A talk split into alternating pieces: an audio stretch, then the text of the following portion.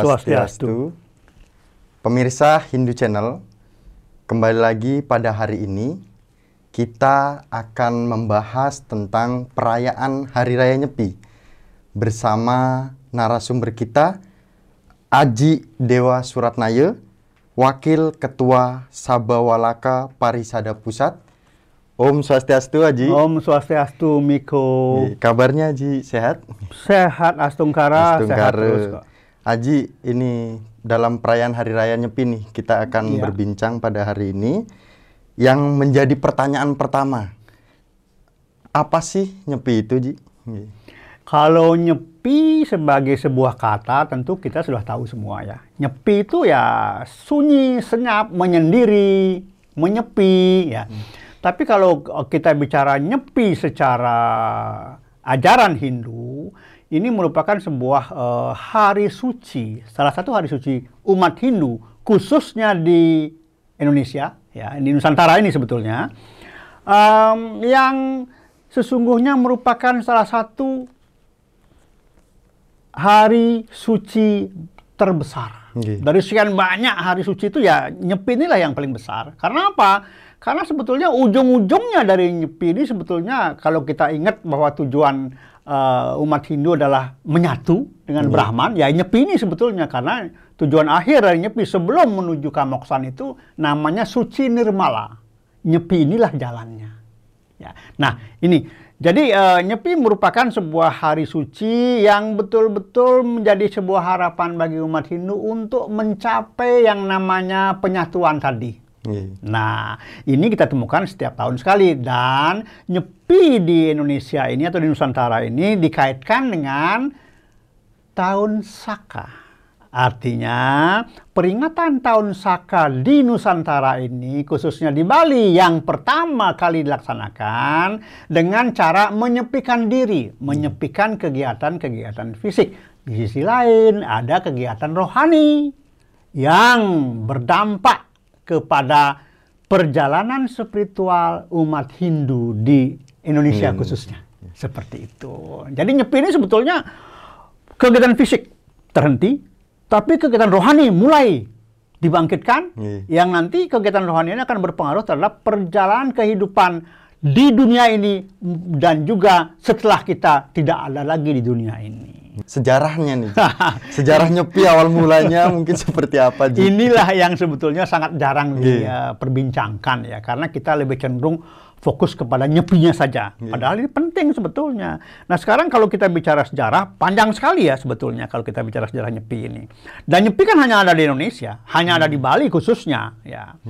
Dan Indonesia pada umumnya. Tapi kemunculan nyepi ini juga tidak lepas dari yang namanya tahun Saka. Hmm. Nah, kalau kita lihat sekarang perjalanan tahun Saka dari India ke Indonesia ini tentu butuh waktu, ada yang membawa kan begitu Iya, ya. iya, iya. Eh, sebetulnya yang namanya tahun Saka ini atau kalender Saka ini sudah ada jauh sebelum Masehi ya.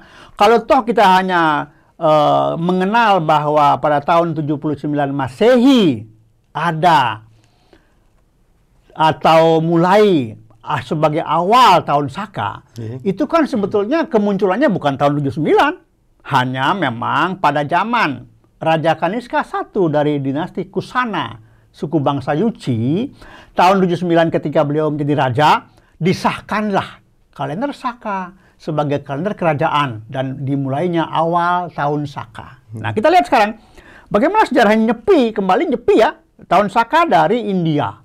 Kemudian dibawa ke Indonesia oleh seorang pendeta bangsa Saka dari Gujarat, Iya. kesatrapa Gujarat, namanya Aji Saka. Yang menurut sejarahnya mendarat di Rembang, Jawa Tengah tahun 456 Masehi. Bersamaan dengan eh, Saka, kalender Saka yang dibawa oleh sang pendeta, maka juga beliau mengembangkan ajaran Hindu.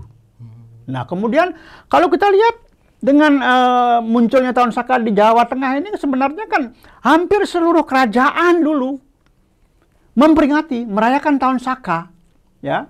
sebagai tahun-tahun baru ya. Nah, ada kerajaan tahun 700 misalnya, ada kerajaan Kalingga, kemudian ada kerajaan Mataram, ada kerajaan Medang, ada Iya. Kediri, Singosari dan terakhir Majapahit. Nggih. Uniknya apa?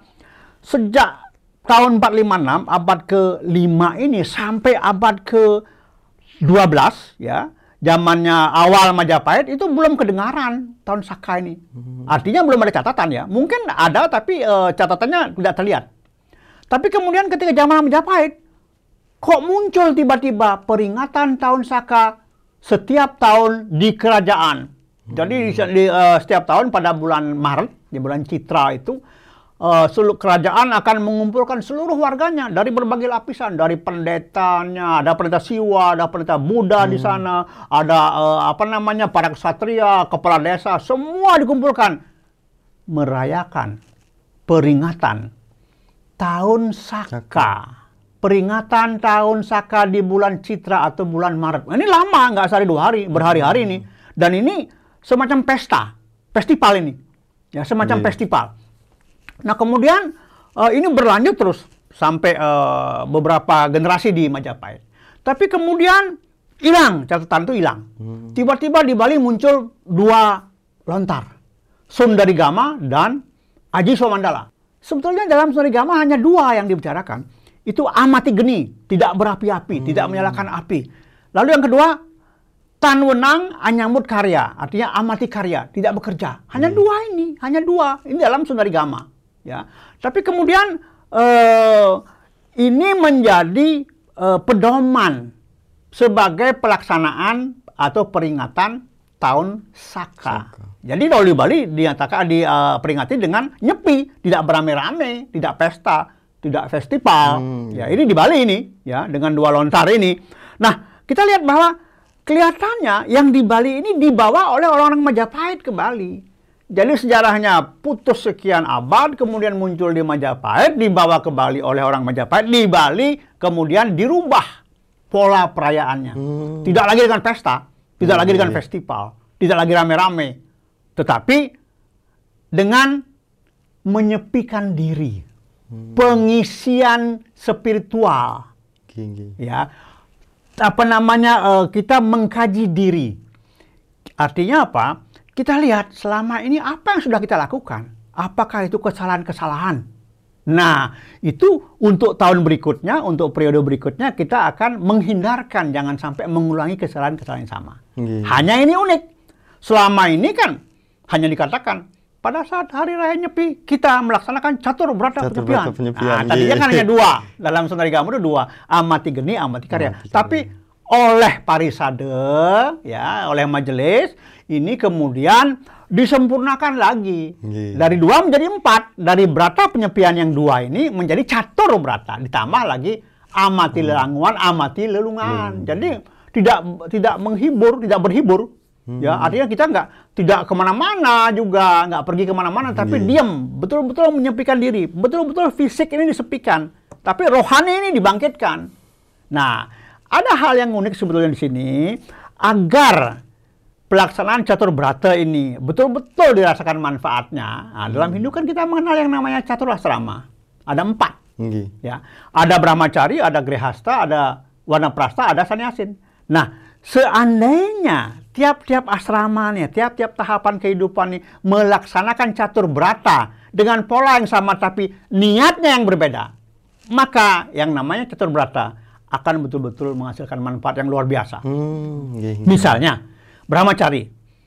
Orang dalam tahap belajar. Belajar. Oke. Terus Entah yang dipelajari mungkin ya ilmu-ilmu dunia, Iya. ya, para widya ataupun ilmu-ilmu kerohanian, ya, para widya misalnya. Nah, ini kalau mereka melaksanakan catur berta penyepian plus upawasa plus mona, ini dengan niat untuk meningkatkan kemampuan mereka menyerap pengetahuan dalam proses belajar, nah tentu akan hasilnya positif dan Iya. bagus. Kedua misalnya para grahastin, orang-orang yang hidup berumah tangga, sama juga melaksanakan catur berata plus plus plus tadi, kemudian eh, dengan tujuan, dengan niat menyempurnakan kehidupan rumah tangganya. Misalnya dia berpikir, oh supaya saya lebih sukinah nanti kami lebih sukinah misalnya di Nggih. keluarga itu. Bagus dia kan. Nah kemudian eh, Wana Prasten juga begitu. Mulai meninggalkan hal-hal yang bersifat dunia sedikit demi sedikit, kemudian mengisi dengan hal-hal yang bersifat spiritual. Nah demikian juga seperti eh, para eh, sannyasin misalnya kan. Nah Iya. tetap melakukan hal yang sama, tapi niatnya beda. Tidak semua warga di dunia ini, jangankan di dunia, di Bali saja, pelaksanaan nyepi ini tidak sama. Di Singaraja misalnya, atau di Bali Utara misalnya, ada desa yang kalau nyepi benar sepi, tapi hanya di rumah. Benar Iya. dia tidak berapi-api, tapi di rumah. Lalu mereka pergi ke lapangan atau ke pinggir kali, masak di sana. Oh, nggih. Nyepi di rumah. Di luar rumah tidak nyepi dia. Nggih. Apakah ini salah? Ya tidak salah. Begitulah caranya eh, beberapa kelompok masyarakat menghadapi nyepi itu. Ada lagi di daerah Bali juga punya nyepi dua kali. Nyepi nasional yang seperti kita lakukan ini dan nyepinya dia sendiri. Ada lagi. Nggih. Bahkan di Bali ada sebuah buku yang namanya Pustaka Bali bercerita tentang perang dua kelompok di masa lalu. Begitu hebat perang itu sehingga masyarakat tidak berani keluar rumah. Nyepi juga namanya Hmm. menurut versi masa lalu. Umat Hindu dunia apakah merayakan juga nih, Haji? Kalau umat Hindu dunia merayakan tahun Saka, iya. Nggih. Tetapi caranya tidak sama dengan tempat-tempat atau khususnya di Indonesia ini. Tidak sama mereka. Merayakan mereka. Harinya pun sama, Ji. Eh, tidak. Tidak, nggih. Dengan India saja kita punya perbedaan paling nggak satu bulan. Oh. Bukan hanya masalah eh, apa namanya nyepi saja, tetapi juga masalah yang lain seperti misalnya Siwaratri itu beda. Nggih. India dengan kita beda, bahkan Purnama saja beda. Nggih. Ya, beda kita dengan India. Tetapi umumnya mereka merayakan lah. Ya, tapi ingat juga tahun Saka itu di Indonesia kan nggak tidak sama, ah, tidak tidak eh, tidak satu. Sunda punya tahun Saka. Karena Saka ini menyangkut masalah kala, masalah Hmm. waktu. Ini waktu, ya. Dan ini waktu itu sangat penting, ya. Ada su- eh, kala Sunda, Surya kala Sunda. Jadi ada yang eh, tahun Saka Nggih. dipengaruhi oleh matahari. Ada yang Chandra, bulan. Hmm. Ya, jadi kalau tidak salah tahun ini kalau Sunda itu tahun Sakanya 1955, sementara kita 1943. Tiga. Berbeda dia. Artinya apa?